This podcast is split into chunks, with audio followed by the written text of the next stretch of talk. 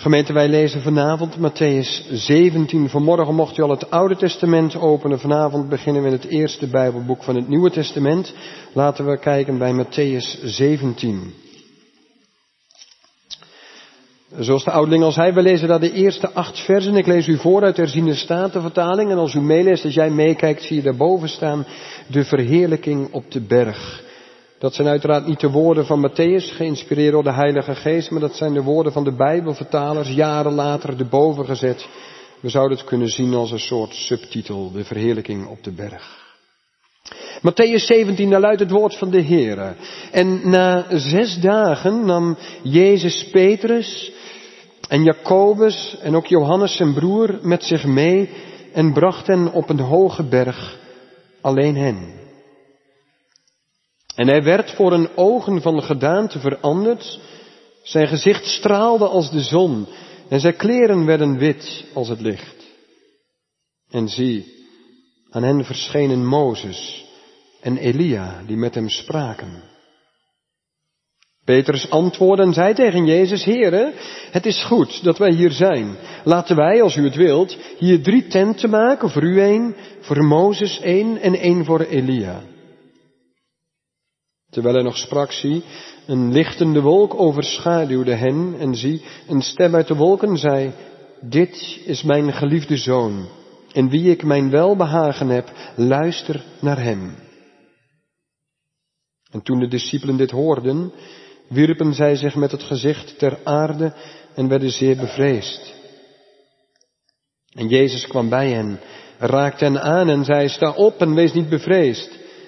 Toen zij hun ogen opsloegen, zagen zij niemand dan Jezus alleen. Dit is het woord van God. En gemeente, zoals gezegd, de woorden boven de verkondiging worden gevormd door die laatste twee, vers 8.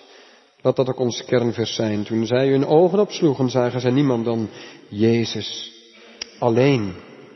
Geliefde gemeente, ziet u er tegenop? Hey, en jij? Kijk jij er misschien wel juist naar uit? Het nieuwe jaar. Een nieuw kalenderjaar. Voor, voor de ene is dat een nieuwe ronde, nieuwe kansen. Voor de ander een verlenging van een lijdensweg. Ja, wat ziet u in gedachten voor u? Als u zo het komende jaar eens overziet. En wat zie jij voor je als je al eens gaat nadenken over 2023? Nou, ik ben het met u eens, dat is een lastige vraag. Oh, wat is er veel te zien. Zelfs zoveel dat je door de bomen het bos niet meer kunt zien. Wat hebben we met elkaar toch alweer veel plannen gemaakt voor 23? Wat staat er alweer veel op de rol voor het komende jaar?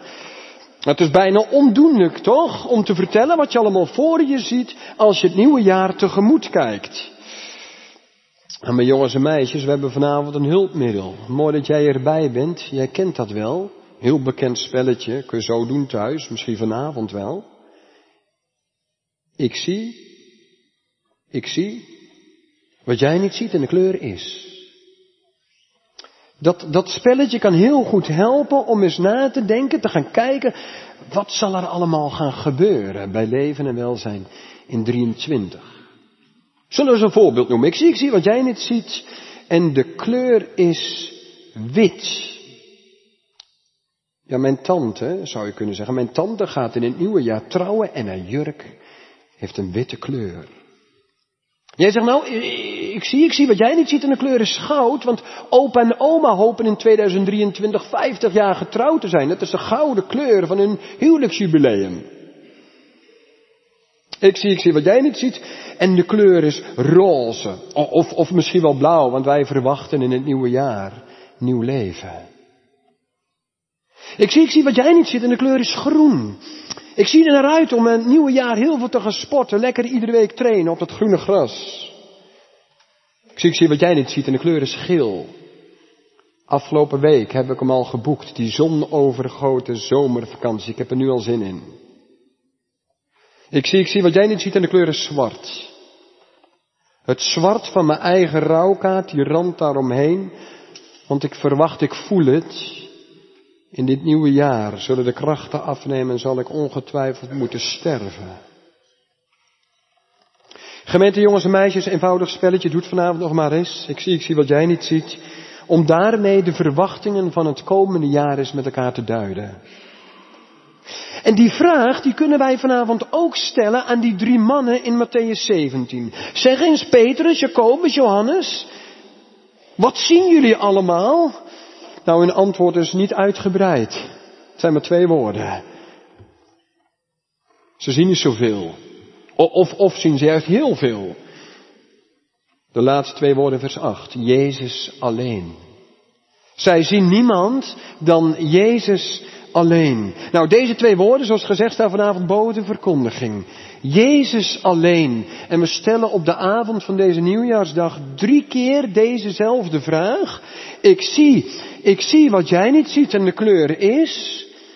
En, en, en, gemeente, die drie antwoorden, die drie kleuren hier in Matthäus 17, die verwijzen alle drie naar de Heer Jezus.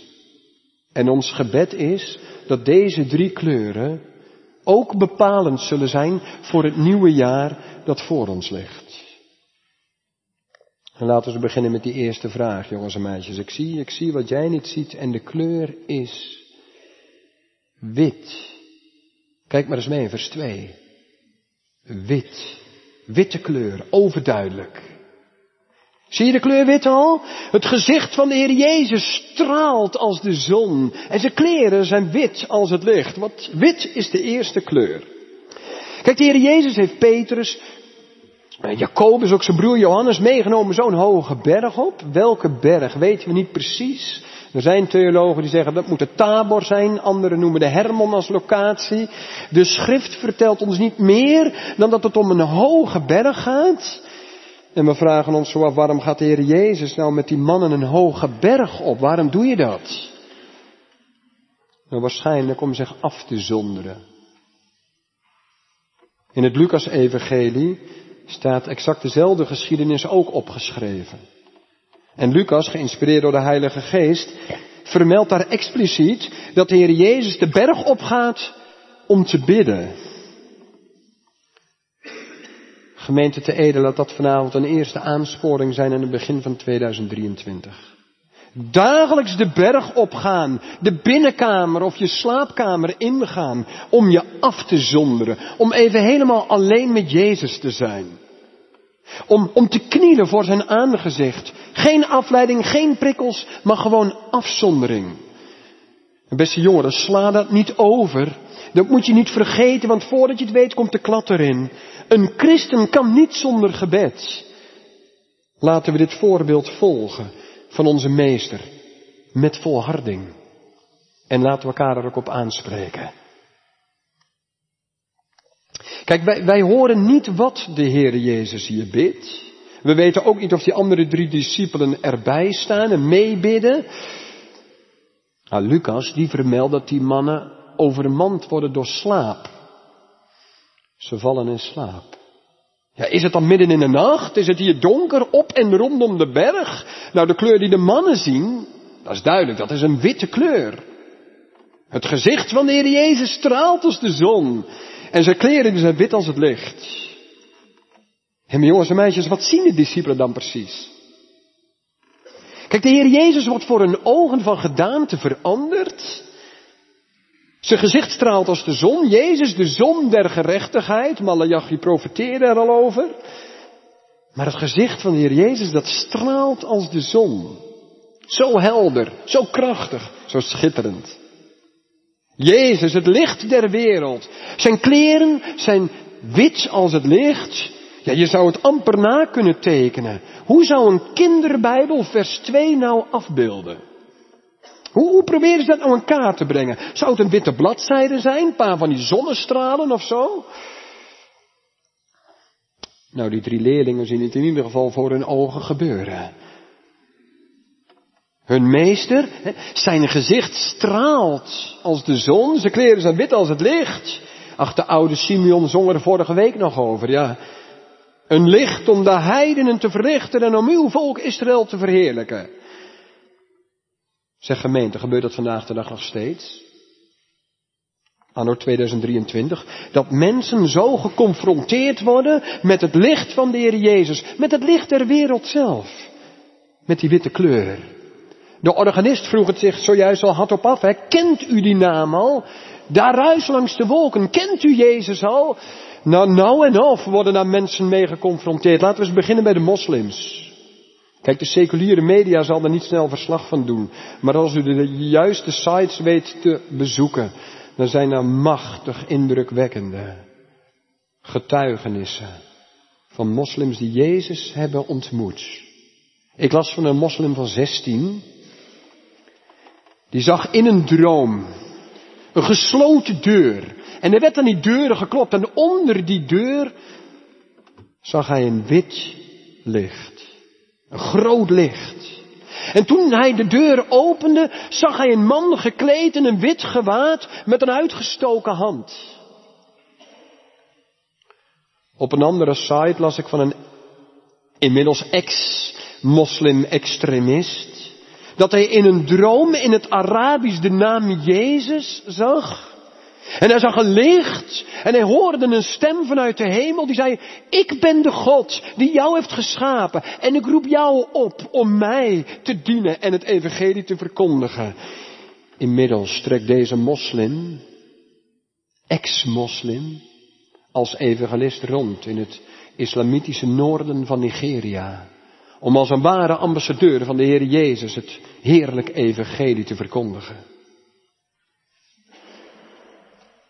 Oh, u wilt een voorbeeld dichter bij huis? Laten we die maar geven dan. Het was in een kerk hier in de buurt op de Veluwe. Een dertiger. Het was op een zondagavond. Hij zat in de kerk. Hij zong mee.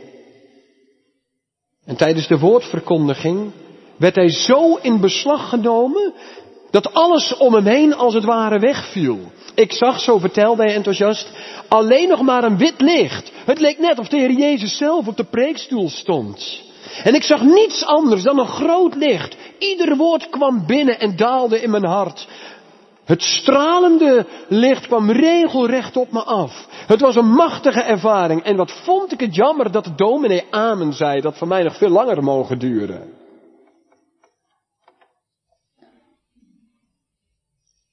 Dat gebeurt hier ook op de Hoge Berg met die drie mannen. Precies dat.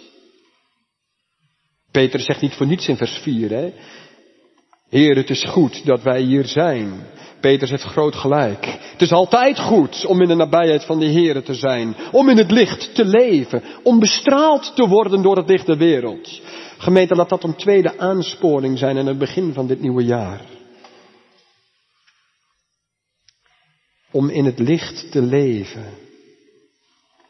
Moet u zondags, moet jij zondags, mooi dat je er bent, je plaats innemen. Jouw plekje in de kerk kan niet onbemand blijven. Kom iedere zondag naar Gods huis, naar zijn werkplaats, want daar wordt Christus telkens weer voor uw ogen geschilderd. Daar wil de Heer met zijn heilige geest krachtig werken in zijn werkplaats. Omdat wij met z'n allen zicht zullen krijgen op het licht dat schijnt in onze duisternis. Net als die drie mannen, zijn waar Jezus is. Als het woord zondags geopend ligt, kun jij en kunt u echt niet gemist worden. Kijk, op die hoge berg gebeurt nog veel meer. Op het moment dat de Heer Jezus van gedaante verandert, dat witte licht, verschijnen daar twee van die mannen. Mozes en Elia. En ze gaan met Jezus in gesprek. Er zijn mensen die zeggen, dit is een bewijs dat er herkenning is in de hemel. Je herkent elkaar in Jezus' naam. Hoe kon Petrus die mannen kennen? Eeuwen eerder leefden zij. Mozes, echt niet de eerste, de beste. Het is een voorbeeld van de Messias. Elia, een voorloper van de Messias. En beiden hebben in het verleden een ongewoon heengaan naar deze wereld gehad. Het zijn twee boegbeelden uit het Oude Testament. En wat opvallend is, Petrus herkent beide mannen meteen. Hij noemt ze bij hun naam. Laten wij, zegt hij, laten wij, als u het goed vindt, Jezus, hier drie van die tabernakels, drie van die tenten maken. Eentje voor u, eentje voor Mozes, eentje voor Elia. En gemeente, wat gebeurt hier allemaal? Het begint allemaal met dat stralende witte licht van de Heer Jezus, de zon der gerechtigheid, de witte kleren.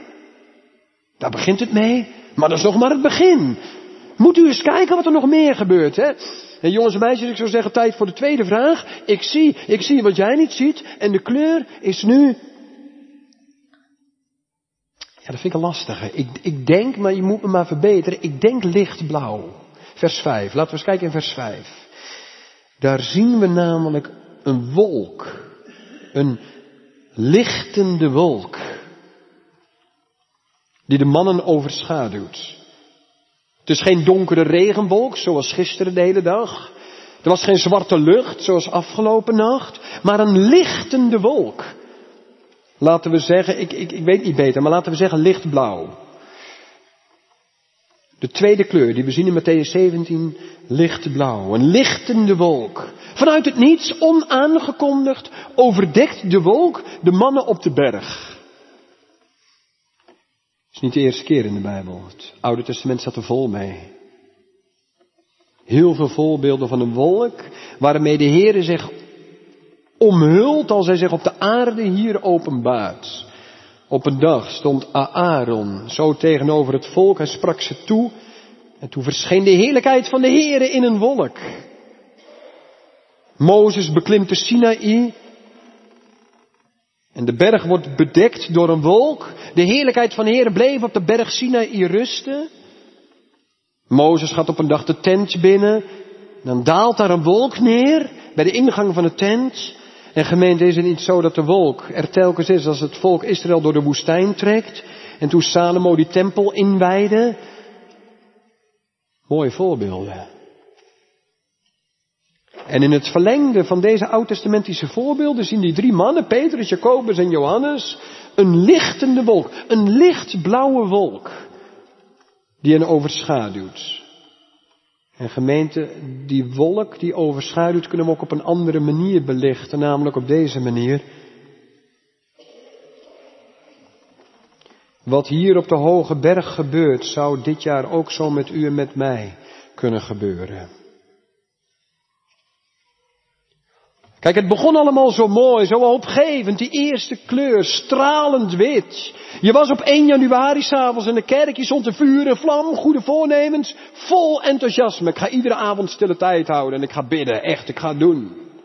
Vol enthousiasme begon je in het nieuwe jaar. Maar toen kwam daar onaangekondigd een wolk die jou overschaduwde.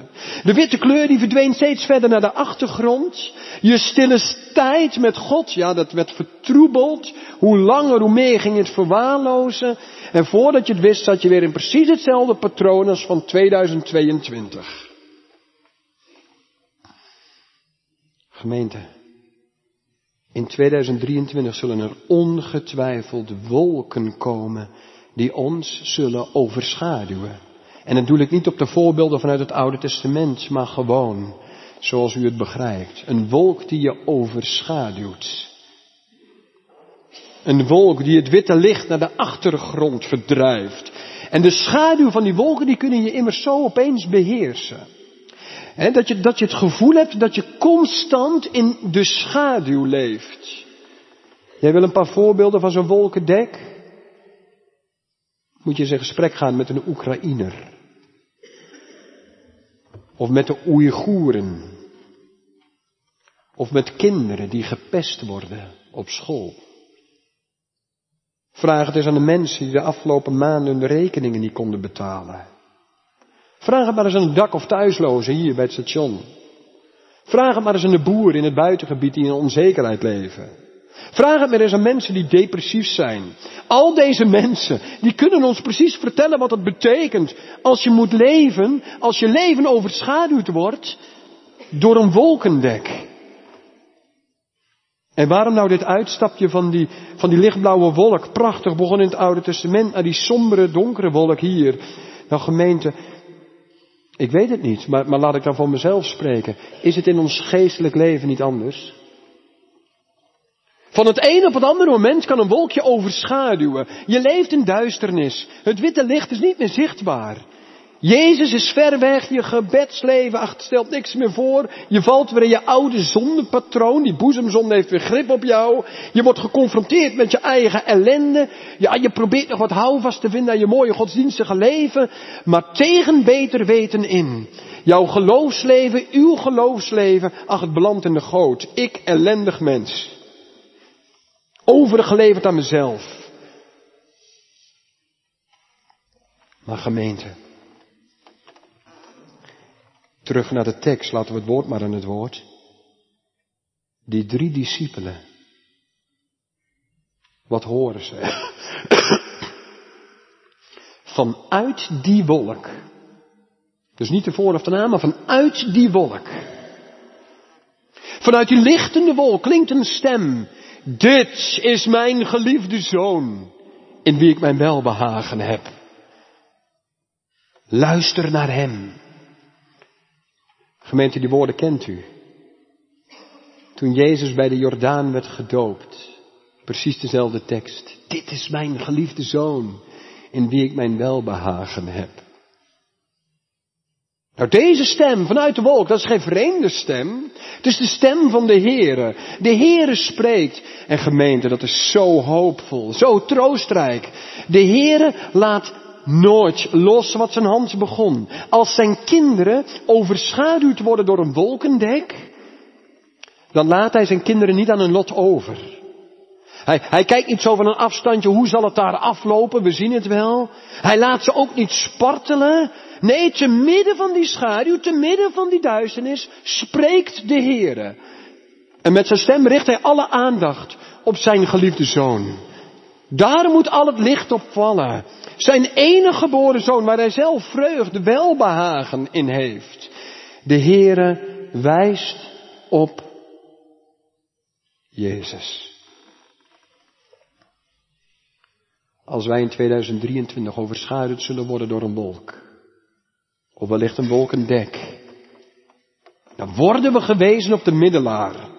Op Jezus Christus. Precies zoals het hier op die hoge berg gebeurt. Dit is mijn geliefde zoon. In wie ik een welbehagen heb. En ik denk dan meteen een appel achteraan. Hè? Luister naar hem. Ja, wat u zei, het is meteen duidelijk naar wie we moeten luisteren. De Heer spoort de drie discipelen aan om te luisteren naar een meester, om gehoorzaam te zijn aan de geliefde zoon. Laat dat vanavond een derde aansporing zijn voor het begin van een nieuw jaar. Jezus gehoorzamen, doen wat Hij vraagt. Naar Hem luisteren, Hem navolgen. Heer, wat wilt u dat ik doen zal? Ja, zeg jij, dat probeer ik wel, maar hoe moet dat dan? Nou, luisteren naar de Heer Jezus begint met zwijgen. Met stil zijn. Misschien wel een van de moeilijkste dingen die wij moeten kunnen.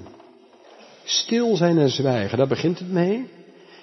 En dan in die stilte, pak dan in die stilte zijn liefdesbrief voor jou, Gods woord. En ga in die Bijbel lezen, ga de Bijbel bestuderen en doe dat maar op vastgestelde tijden.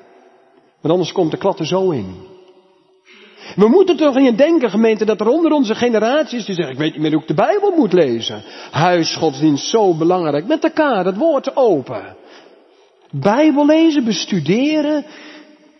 Zijn stem verstaan. En hier in Gods woord, in de liefdesbrief voor jou, lees je zijn opdrachten. Luister naar hem. Nou, zoals die lichtblauwe kleur van die, van die lichtende wolk. Nog steeds zichtbaar op die hoge berg. De drie discipelen luisteren naar de stem uit de wolk. Ze beseffen dat het niet zomaar een stem is. Nee, kijk maar eens naar hun reactie. Ze, ze, ze werpen zich met hun gezicht ter aarde. Ze worden zeer bevreesd hè, door een overweldigende angst. Door een vrees worden ze bevangen. Hevige angst. Alsof het karbit twee meter bij je vandaan staat. Maar het is wel begrijpelijk, want de nabijheid en de heiligheid van God. Dat leert je buigen, dat maakt je klein. Een ontmoeting tussen de schepper, Psalm 8, en zijn schepsel. Een ontmoeting tussen de soevereine God en de nietige mens. Tussen de heilige God en de onheilige mens.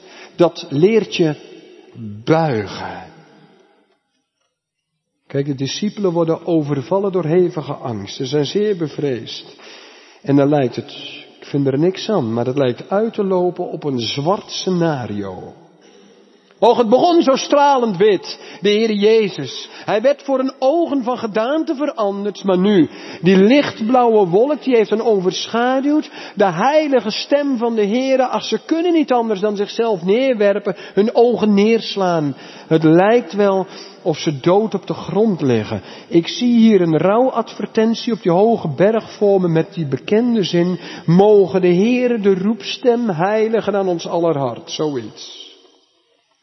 Het lijkt echt net of die discipelen dood op de grond liggen. Maar is dat dan de derde kleur die we hier in vers 6 zien? We begonnen met wit, dan blauw en eindigen we dan met zwart. Nou jongens en meisjes, laten we de vraag toch nog maar één keer stellen. Ik zie, ik zie wat jij niet ziet. En de kleur, is die zwart? Nee. Ik zie, ik zie wat jij niet ziet. En de kleur is rood. Rood. Kijk maar in vers 7. Jezus komt bij die discipelen die daar zo op de grond liggen. Hij raakt ze aan, wat een bewogenheid, hij raakt ze aan en hij zegt, sta op, wees nou niet bevreesd. Is dit niet het evangelie ten voeten uit? Die heerlijke boodschap, niet klein te krijgen, de genade druipt er vanaf. Daar waar mensen overschaduwd worden door een wolkendek. Daar waar mensen als dood op de grond liggen. Daar waar mensen van angst en hun ellende hun hoofd buigen. Daar is Jezus. Altijd weer op zoek om zondaren zalig te maken. Altijd weer op zoek om het verlorene te zoeken. Om zijn onvoorwaardelijke liefde royaal uit te delen. Dat is wat hier gebeurt op die hoge bergen, vers 7. Kijk, die, die drie discipelen weten niet waar ze het zoeken moeten. Ze liggen neergeworpen ter aarde. En die heilige roepstem van de Heere klinkt nog na in hun oren. Maar zie daar, daar is hun zaligmaker. Hij is nabij. De Heer Jezus wil een oprichter. Sta dan op en wees niet bevreesd. We horen hier regelrecht een echo uit Ezekiel 33. Zo waar ik leef, spreekt de Heere, Heere, ik vind geen vreugde in de dood van de goddeloze, maar daarin dat de goddeloze zich bekeert van zijn weg en leeft. Kijk, de Heer Jezus komt hier op de berg naar zijn leerlingen toe om hen dit duidelijk te maken. Blijf nou niet dood op de grond liggen, maar keer je om en leef. Sta op en wees niet bevreesd. En weet u wat nou zo typerend is? Zo teder, zo, zo, zo, zo liefdevol, zo,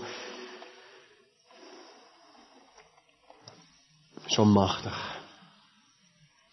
De Heere zegt niet van een grote afstand, hé hey, dat moeten jullie doen, doe dat nou, doe dat nou, dan komt het goed. Nee, zo'n afstandelijke God hebben wij niet.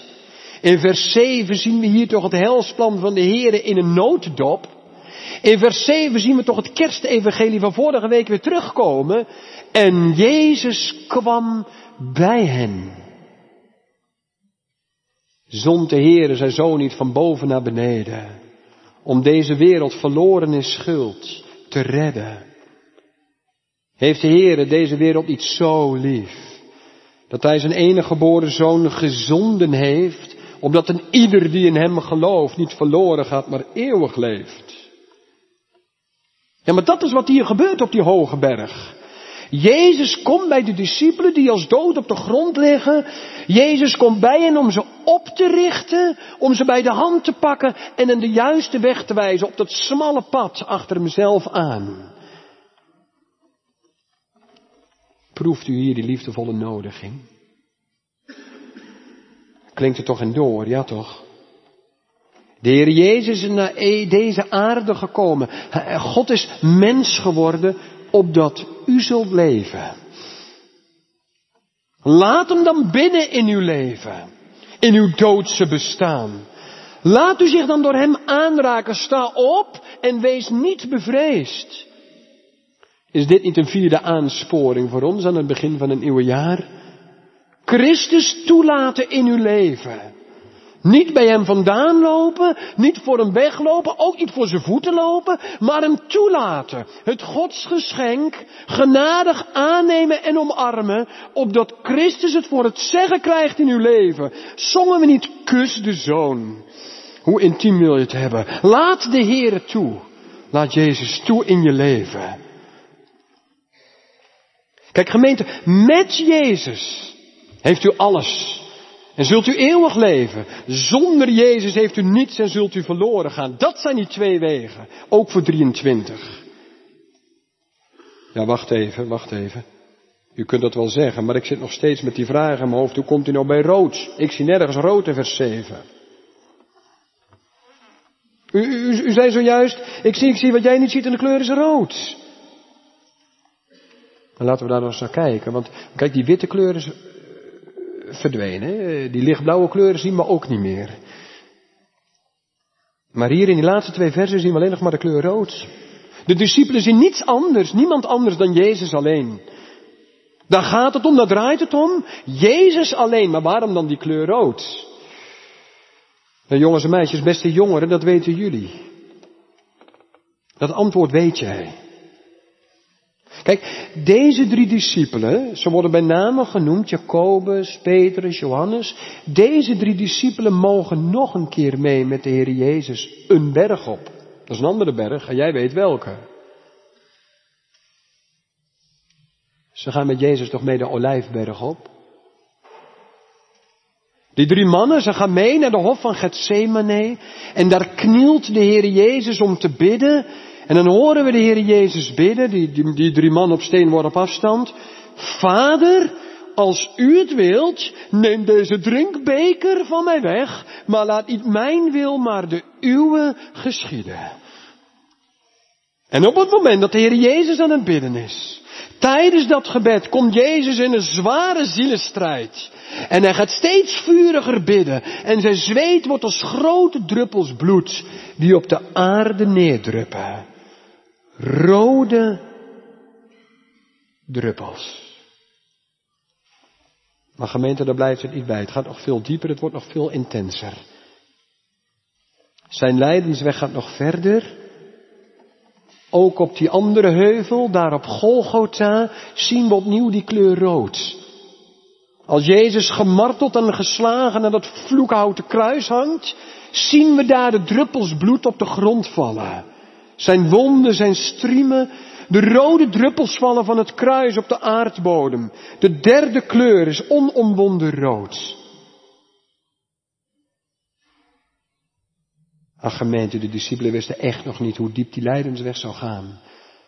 Ze hadden nog maar één keer van hun meester gehoord. Het staat in ons eerste vers, hè, zes dagen later. Zes dagen geleden heeft de Heer Jezus hen voor het eerst verteld hoe zijn lijdensweg zou gaan toen hij zei,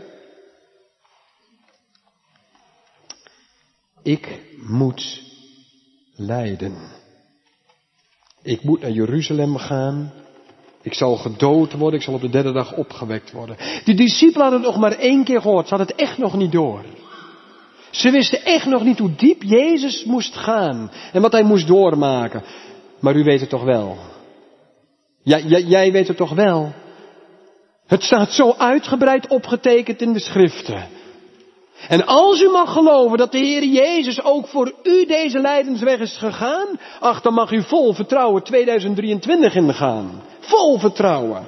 Als u gelooft dat zijn kostbare bloed vergoten is tot de volkomen verzoening van al uw zonden, oh, wat mag u dan hoopvol 2023 ingaan.